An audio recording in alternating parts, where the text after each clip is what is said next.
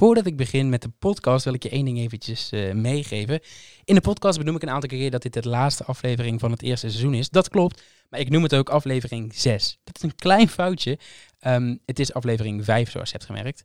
Klein foutje, kan gebeuren, maar dan weet je dat in ieder geval. Heel veel plezier met de vijfde aflevering van Just an Illusion. Deze week in Just an Illusion praat ik met David Huizenga over social media magic en het maken van je eigen theatershow. Daarnaast praat ik over theatergoochelen met Rob Molien en het uitbrengen van zijn eigen goocheltrucs. Dat alles en nog veel meer hoor je in deze laatste aflevering van seizoen 1 in Just an Illusion.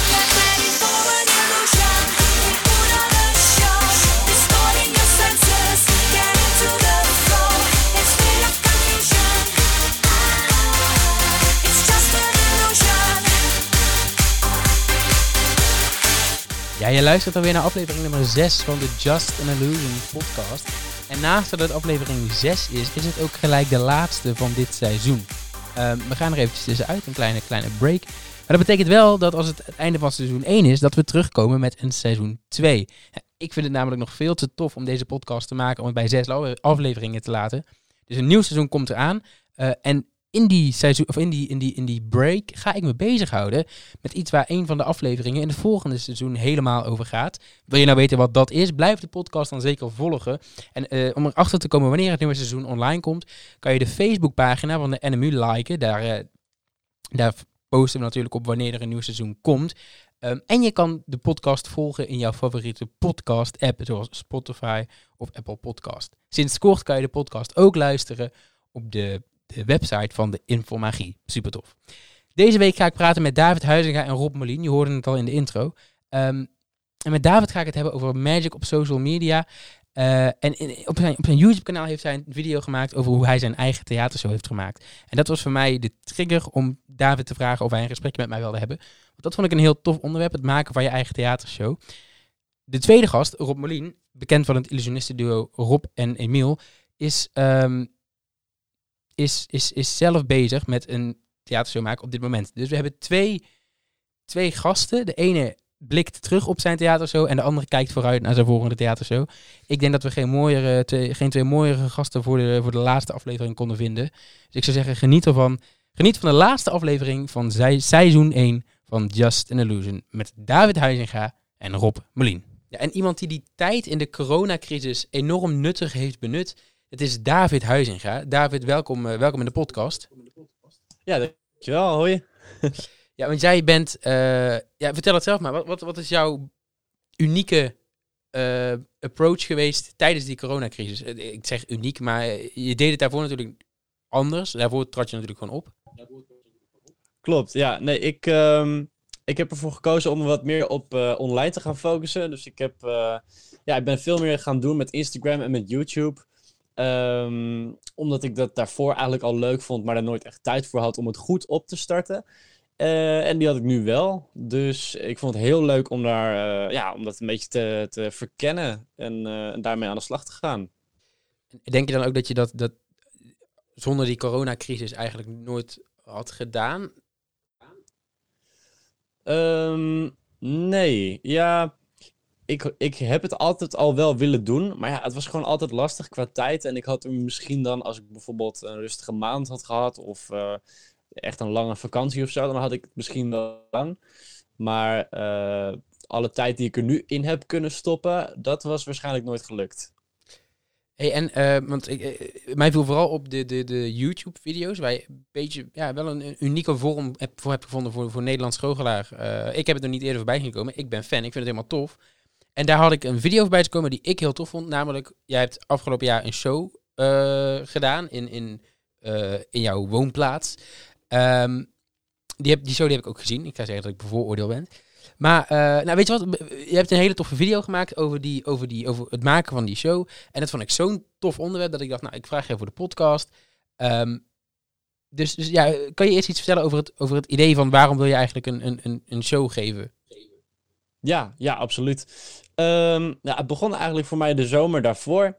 En toen had ik al een beetje het idee van ja, het, het lijkt me wel tof om, uh, om eens wat groots te doen, weet je wel. Want we hebben allemaal natuurlijk wel de, de optredens op uh, bedrijfsfeesten, bruiloften en dat soort dingen. Maar ja, daar kan je natuurlijk niet altijd al je, je creatieve ideeën in kwijt. Dus ik dacht, het lijkt mij leuk om gewoon echt een eigen show uh, te maken. Waar ik echt een keer hè, groots kan uitpakken. Um, nou ja, en daar heb ik toen de hele tijd eigenlijk voor, uh, voor zitten schrijven, over gebrainstormd. Ik had toen die zomer ook echt zoiets van, nou, dat, ik neem gewoon lekker een jaar de tijd om dat te maken. Um, ja, en zodoende is het eigenlijk steeds, uh, steeds eraan gewerkt het hele jaar eigenlijk, uh, totdat het af was. Normaal vraag ik dit soort, dit soort vragen meer richting het einde van het gesprek, maar nu ben ik heel benieuwd. Je hebt natuurlijk een jaar lang naar die show toegewerkt, uh, of naar die show toegewerkt. Wat is nou de ultieme tip, of vooral de doe dit niet of de doe dit juist wel, naar iemand die een eigen show wil maken? Oké, nou, de ultieme tip van doe dit niet is huur geen alpaca's. Uh, het, is, het, is, heel specifiek. Um, nou ja, ik zal het kort vertellen. Um, ik had een act in mijn show waarbij uh, een reveal van een truc op een gegeven moment zou zijn dat iemand aan het publiek een alpaca had gekozen. En helemaal aan het einde van de show, als mensen er een theater uit zouden lopen, dan zou daar een alpaca staan met uh, een halsband om waar dan een naam in was gegraveerd die iemand had bedacht.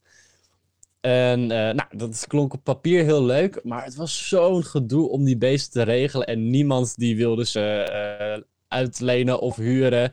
Dus uiteindelijk hebben ze uit Groningen moeten halen. En uh, nou, het heeft heel veel geld gekost. En toen bleek dus na de eerste show dat die beesten hartstikke mensenschuw waren. En niet wilden mee. En die vonden het allemaal maar eng en zo. Dus ja, eigenlijk was het een beetje verspild geld. Oké. Okay in jouw video, die, die ik zeker even aanraad en die ik zeker ook eventjes in de, eh, in de verwijzingen ga zetten in de beschrijving. Um, daar, daar split je eigenlijk het maken van een show in vier stappen. En ik denk dat dat een heel goed vertrekpunt is als je een show gaat maken. Kan je die, kan je die stappen even benoemen en ze kort uitleggen? Ja, ja zeker. Dat, zijn, uh, dat waren concept, muziek, uh, nou, concept, props, uh, muziek en ja, repetities heb ik het laatste deel even genoemd. Uh, concept, dat is eigenlijk het, het, hele, het hele idee waar de show over gaat. Het thema, de trucs die erbij horen. En uh, ja, als het ware de kapstok waar je ideeën aan ophangt. Um, de muziek is voor mij een hele belangrijke, omdat ik natuurlijk zelf veel met muziek doe. Ik componeer mijn eigen muziek. Ik speel een aantal instrumenten. En dit was voor mij ook de eerste echt lange show waarvoor ik alle muziek zelf had gemaakt. Dus dat was ook wel een groot project. En ja, je kunt in muziek natuurlijk heel erg de sfeer bepalen van de show en van de act. En dat is wel iets heel interessants om mee te spelen. Um, ja, en dan uh, de props, de, de spullen die je nodig hebt, de illusies, de trucs, uh, decor. Nou, dat vind ik ook super leuk om te maken. Ik ben op een gegeven moment begonnen met uh, een paar illusies bouwen twee jaar geleden. En toen kon ik eigenlijk nog helemaal niks. Maar ja, als je dat maar gewoon een aantal keer achter elkaar probeert, dan leer je dat vanzelf. En dan word je er steeds handiger in. Um, dus dat is ook natuurlijk te gek dat je iets bedenkt en dat je het dan ook zelf kunt maken totdat het helemaal is wat je, wat je wil hebben. Ja, en dan de repetities. Zo heb ik het eventjes genoemd. Een beetje heel algemeen, maar dat was voor mij een beetje de laatste maand. Dus het zijn echt de laatste dingen doornemen, met mensen er naar kijken, met een, uh, met een regisseur, met mensen in het team, alles doorspreken en in, de, in het theater zelf, dus alle technische dingen doornemen. Hey, en we hebben het nu de hele tijd eigenlijk een beetje over. Ja, het, kan een vrij algemene opzet zijn. Als je een dansvoorstelling wil maken, dan kan je ook een alpaca gebruiken. En dan kan je ook inderdaad beginnen met muziek en met. Maar, maar wat heb je specifiek goocheltechnisch uh, nou, nou hoe, heb je, hoe heb je dat aangepakt? Want dat lijkt me nog het meest moeilijke van zo'n eigen show. Um, ja, ja, ja, klopt. Ja, kijk, het begint natuurlijk allemaal bij het idee. Dus je begint met een concept bijvoorbeeld voor een act van ja, hoe, uh, dit lijkt me een tof truc om te doen, dit lijkt me een sterk effect. Ja, en dan moet je gaan bedenken wat de methode moet zijn. En daar kom je natuurlijk niet altijd in je eentje uit. Dus uh, ik heb een aantal hele creatieve en hele technische mensen om me heen die, uh, die me daarbij kunnen helpen. Ik werk bijvoorbeeld veel samen met Woody Wood. Die, uh, die, daar brainstorm ik heel veel mee, want ja, wij zitten echt op één lijn qua creatieve ideeën. En Woody is ook heel slim met methodes bedenken. Ehm, ja, en dan heb ik nog een paar technische mensen in mijn team die echt dat soort details van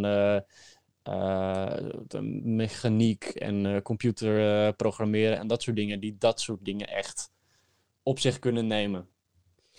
Je bedoelt net al een aantal keer, je, in, je team, is zo'n theatershow maken echt een teamsport en heb je dat echt nodig? Of zou iemand het ook wel eens eentje kunnen?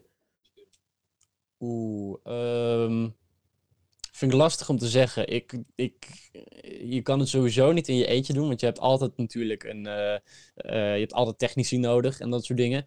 Nou kan je natuurlijk wel een one-man show maken. Um, maar ik vind het lastig om daar een oordeel over te vellen, omdat ik juist een heel groot team had en niet zoveel ervaring heb met, uh, ja, met dat echt in je eentje doen. Oké, dan laat ik het zo stellen. Wat, wat is dan vanuit jouw uh, ervaring op dit moment het, het voordeel van juist het hebben van zo'n team? En niet alles in je eentje hoeven doen. Oeh, ja. Uh, nou ja, zeker op het gebied van Magic. Uh, ik zal niet al te veel over methodes weggeven, maar je kunt met, als je een groot team hebt, kun je heel veel meer doen dan wanneer je alleen bent. Dus je kunt heel veel dingen backstage uh, in real time maken. Uh, mensen die dingen aangeven, die dingen doorgeven. Uh, body doubles. Je, je kunt het gek niet bedenken. Als je een groot team hebt, dan kun je echt veel meer. E-, even iets, iets specifieks over, jou, over jouw voorstelling dan. je hebt hem meerdere keren gespeeld. Een aantal dagen achter elkaar. Ik luisterde, ik luisterde toevallig vandaag een podcast van Stefan Pop en Ryan Pandai. Uh, of Pandai, ik weet niet hoe ze hun naam uitspreken, maar dat maakt niet uit. Uh, ik, ik, ik luister zelf vaak naar podcasts. En ik denk de mensen die hier naar luisteren, luisteren ook graag naar podcasts. En daarin zeiden ze eigenlijk dat het een enorm voordeel is als je een theatershow laat opnemen. Dat dat uh, een voordeel is als je die meerdere keren kan laten opnemen. Nou, in jouw geval heb je natuurlijk voor het eerst een theatershow gedaan. En die deed ook meerdere keren. Wat was voor jou daar nou het voordeel van? Um, ja, het is altijd even in, inkomen. En uh, hoe vaak je iets doet, hoe, uh, hoe beter het wordt. Dat is sowieso uh, natuurlijk een feit. En daarnaast ga, je, ga je anders nadenken over het materiaal dat je doet. Dus je, je komt elke keer weer achter een nieuw dingetje wat je kunt verbeteren. Wat sneller kan, wat efficiënter kan. soms kan er een heel stuk script tussenuit. Soms kan je een methode veel, veel makkelijker maken. Dat, uh, dat had ik bijvoorbeeld heel erg. Dat ik voor één truc dus een enorm ingewikkelde methode had. En dat na één show iemand tegen me zei, maar waarom doe je niet gewoon dit? En dat het echt zoveel moeite scheelde. Dus um, ja, de, de essentie is gewoon hoe vaak je het doet, hoe beter het wordt. Oké, um, laatste vraag alweer. Wat is voor jou nou, als jij, als jij, ja, dat is misschien wat wat persoonlijker bij jouw eigen theatervoorstelling. Maar wat was voor jou nou het doel om die mensen mee de zaal uit te laten lopen? Want het is natuurlijk jouw avond, het is jouw show. Dus je wil heel die setting creëren in plaats van bij een bruiloft waar je tien minuten aan een tafeltje komt. Wat was voor jou nou dat doel om... Had je jezelf een doel meegegeven bij het maken van de show, is eigenlijk de eerste vraag. Um, ja, dat is ook een beetje ontwikkeld door de, door de tijd heen. Uh, de show heette Identity, ging over identiteit. En ik kwam er eigenlijk op om die show te maken, omdat ik zelf gewoon een beetje in knoop zat met uh, wie ik was. Want ja, ik zit natuurlijk op een leeftijd dat altijd identiteit nog een beetje in ontwikkeling is en dat soort dingen. En toen dacht ik zoiets van, ja, misschien is dat juist wel een mooi thema. Dat je het gewoon, uh, hè, dat niet iedereen nog precies weet wie ze zijn. En dat dat ook helemaal niet erg is. Um, maar dat je er op verschillende manieren naar kunt kijken wat identiteit is en wat het voor jou betekent en uh, welke, welke dingen voor jou belangrijk zijn om aan je identiteit te koppelen. Dus uh, ja, ik vond het wel interessant om mensen daarmee een beetje uh, daarover na te laten denken. Laatste, laatste, laatste vraag. Uh, op de alpaca's na, wat zou je de volgende keer anders doen? Oftewel, wat heb je van dit avontuur geleerd? Um, ja, ik zou uh, de, de organisatie en de structuur wat, wat beter aanpakken.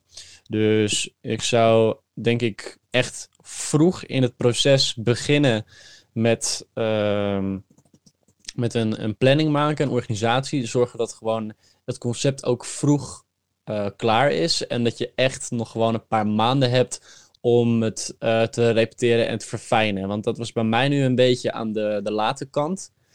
Uh, waardoor ik eigenlijk net te weinig tijd had om uh, hè, dat stukje verfijnen. Wat je eigenlijk voor de shows doet. Wat je in een try-out zou doen. Uh, dat miste ik nog een beetje. Ik denk ook een heel mooi advies voor iedereen die luistert en die zijn eigen theatervoorstelling wil maken. Dankjewel voor jouw tijd, dankjewel voor het gesprekje en dankjewel voor de mooie tips die je ons hebt gegeven. Geen probleem. Tot zover mijn gesprek met David Huizinga. Wil je David nou volgen? Dat kan. Kijk dan even op zijn YouTube-kanaal, David Nathan. Daar vind je ook de video waar we het over hadden, waarin hij in vier stappen uitlegt hoe jij een theatervoorstelling kan maken. Dan gaan we verder met de volgende gast. Uh, ik noemde het in de intro al.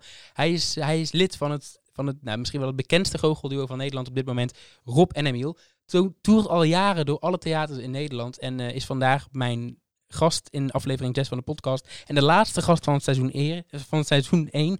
Ik vind het een hele eer dat hij te gast is. Uh, dus ik ga je niet langer uh, in spanning laten wachten. Geniet van het gesprek dat ik had met Rob Molien over hoe hij zijn coronaperiode invulling gaf. Op een hele unieke manier. En iemand die zich tijdens die coronacrisis ook goed heeft weten bezig te houden op een unieke manier, uh, dat zijn Rob en Emiel. En aan de telefoon 50% van dat duo, Rob Molien. Rob, welkom in de podcast.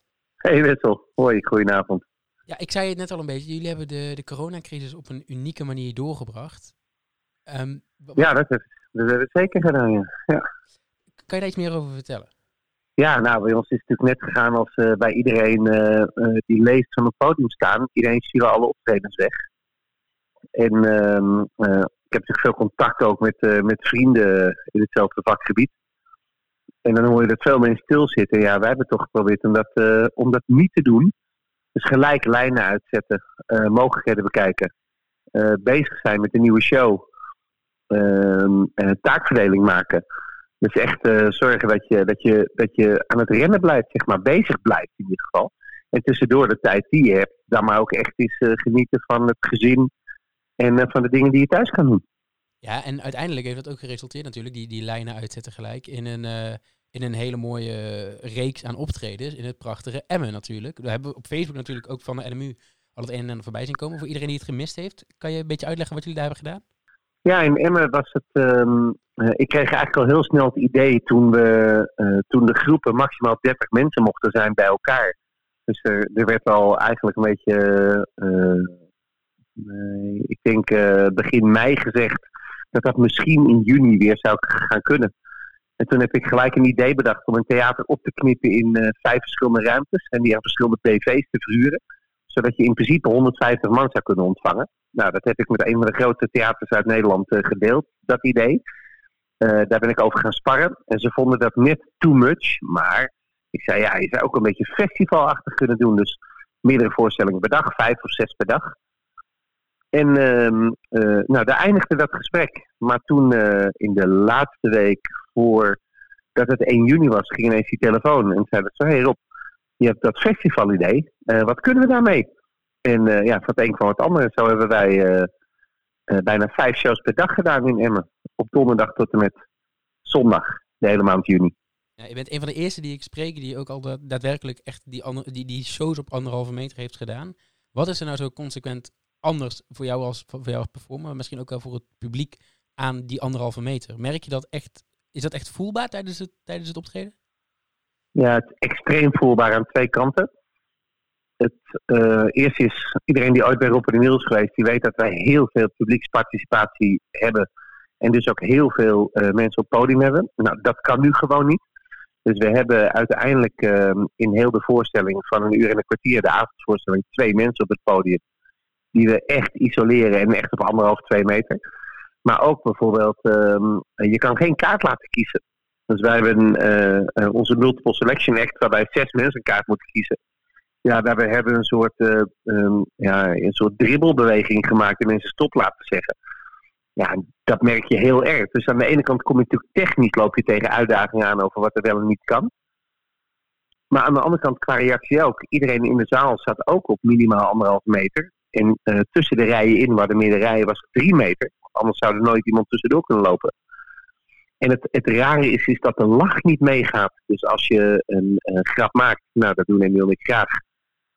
Dan, uh, uh, en er zit op één stoel zit iemand te lachen. Ja, drie meter verderop beginnen ze niet automatisch mee te lachen. Terwijl dat in een normaal gevuld theater wel heel snel het geval is. Dus het, was, het voelt als trekken aan een dood paard. Maar uh, na drie voorstellingen ben je daar ook aan. En pas je je timing aan. Maar het is echt heel anders werken. Ja. Eh, Dat geloof ik wel.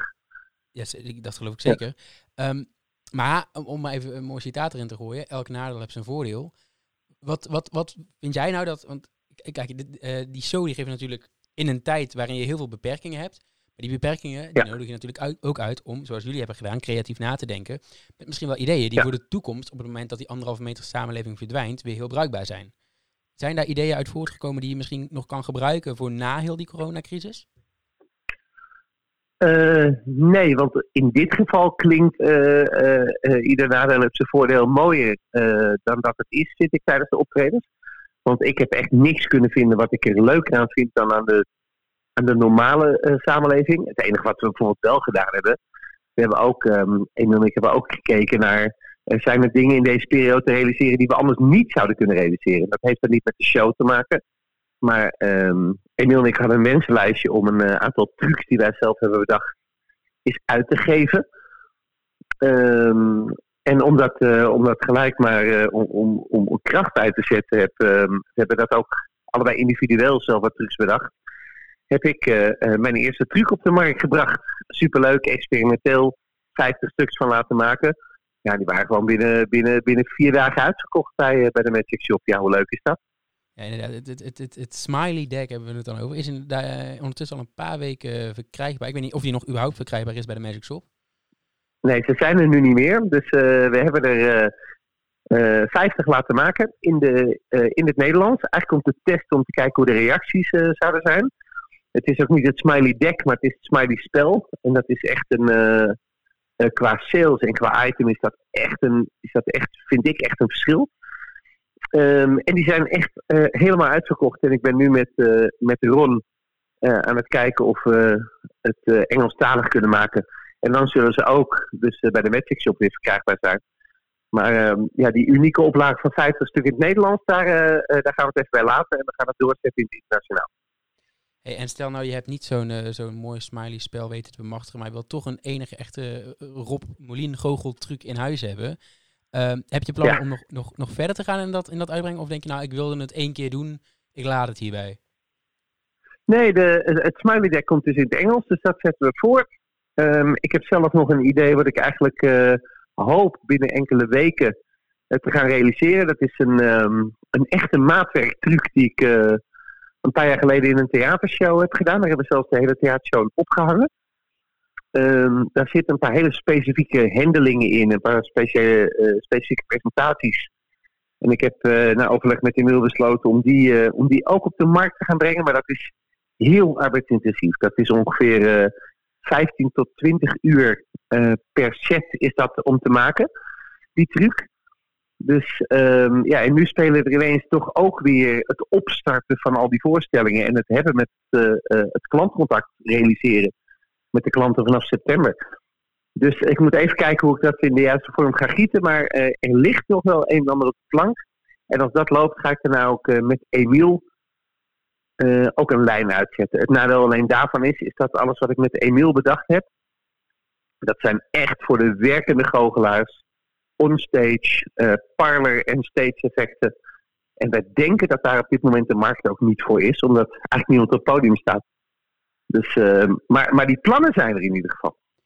Ja, je noemt het net al. eh, Als we, als we richting september gaan denken, dan komen misschien ook alweer de voorstellingen terug. En je zei dat jullie ook bezig waren met een, met een nieuwe voorstelling. Heb je, daar al een, Ja. heb, je, heb je daar al een tipje van de sluier wat je erover kan oplichten? Over een, eh, jullie werken vaak met een thema. Je zei het net al, je hebt de vorige keer een, aan één truc eigenlijk de hele show eromheen gebouwd. Kan je al iets vertellen Ja. over de nieuwe show? Ja, zeker. De naam van de nieuwe voorstelling is Van Houdini tot Copperfield. En eh, eigenlijk zegt dat, eh, zegt dat al genoeg. We gaan eh, een beetje terug naar de roots van Rob en Emiel. We hebben het laatste jaar natuurlijk heel veel theatrale voorstellingen gemaakt. Lange verhalen. Emiel die meer dan 40 minuten piano heeft gespeeld in een voorstelling. De laatste voorstelling onderweg die natuurlijk gecostumeerd was voor de mensen die hem gezien hebben.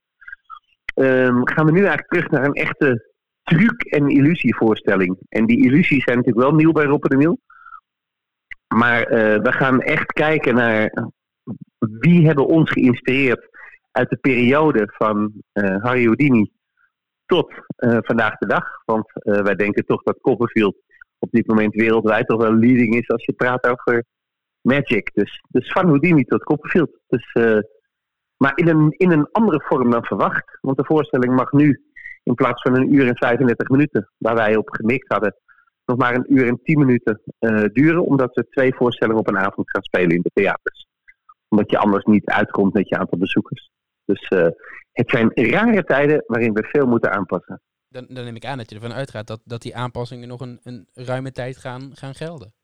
Ja, maar dat is natuurlijk. Um, ik weet niet of deze podcast daar uh, het juiste platform is. Maar ik heb het gevoel dat we tot, tot in ieder geval eind 21 niet van de anderhalf meter samenleving af gaan komen.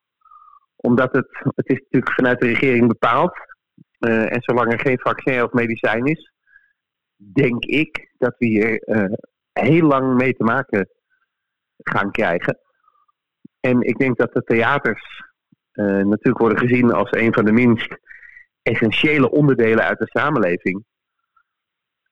Wa waardoor ze die waarschijnlijk als laatste, die anderhalf meter, dat ze die daar gaan skippen.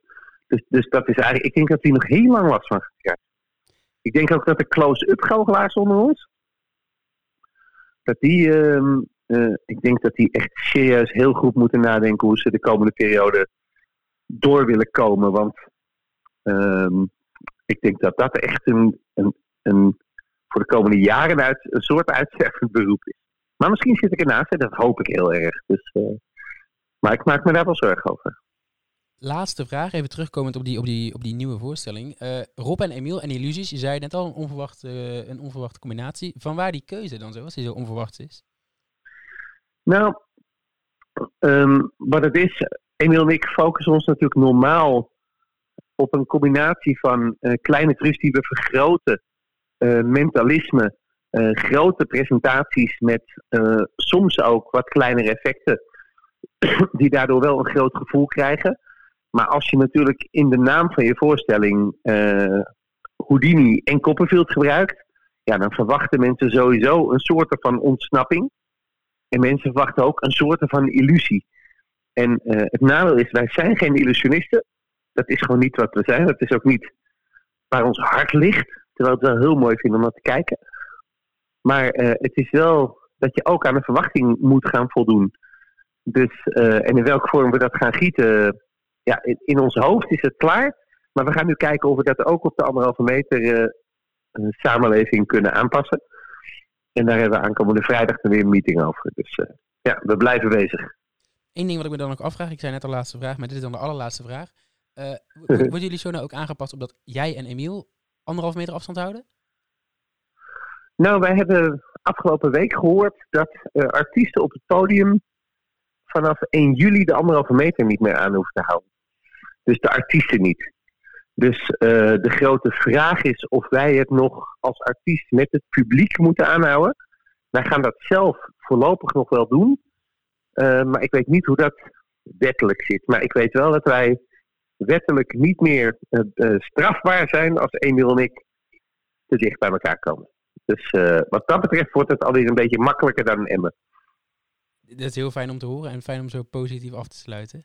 Dankjewel voor jouw tijd en veel, veel plezier met, met het maken van die nieuwe voorstelling. Dankjewel. Kom maar snel kijken, Wessel, als hij af is.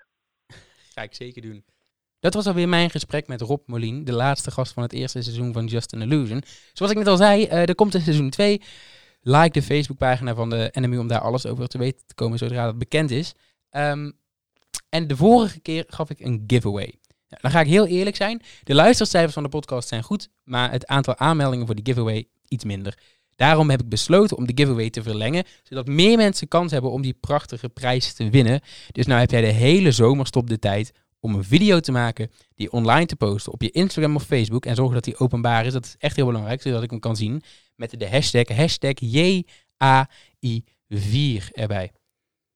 Dan kan ik jouw filmpje heel makkelijk vinden. In dat filmpje doe je je allerbeste goocheltruc die je in mijn huis hebt. En zo kan jij dus die prachtige DVD winnen. Tot zover seizoen 1. Ik hoop dat je het heel tof vond om te luisteren. Ik vond het in ieder geval echt geweldig om te maken. Hopelijk blijf je luisteren uh, en kan je net als ik niet wachten tot seizoen 2 van start gaat. Ik wens je heel veel plezier uh, in je zomer. Ondanks corona hoop ik dat je er het mooiste en het beste van maakt, wat, wat ook maar mogelijk is. Um, En misschien zelfs een beetje onmogelijk. Daar blijven we toch goochelaars voor. Ik ga, ik ga veel plezier maken. Ik eh, ben heel enthousiast voor de volgende podcast. Dankjewel voor het luisteren. En tot seizoen 2.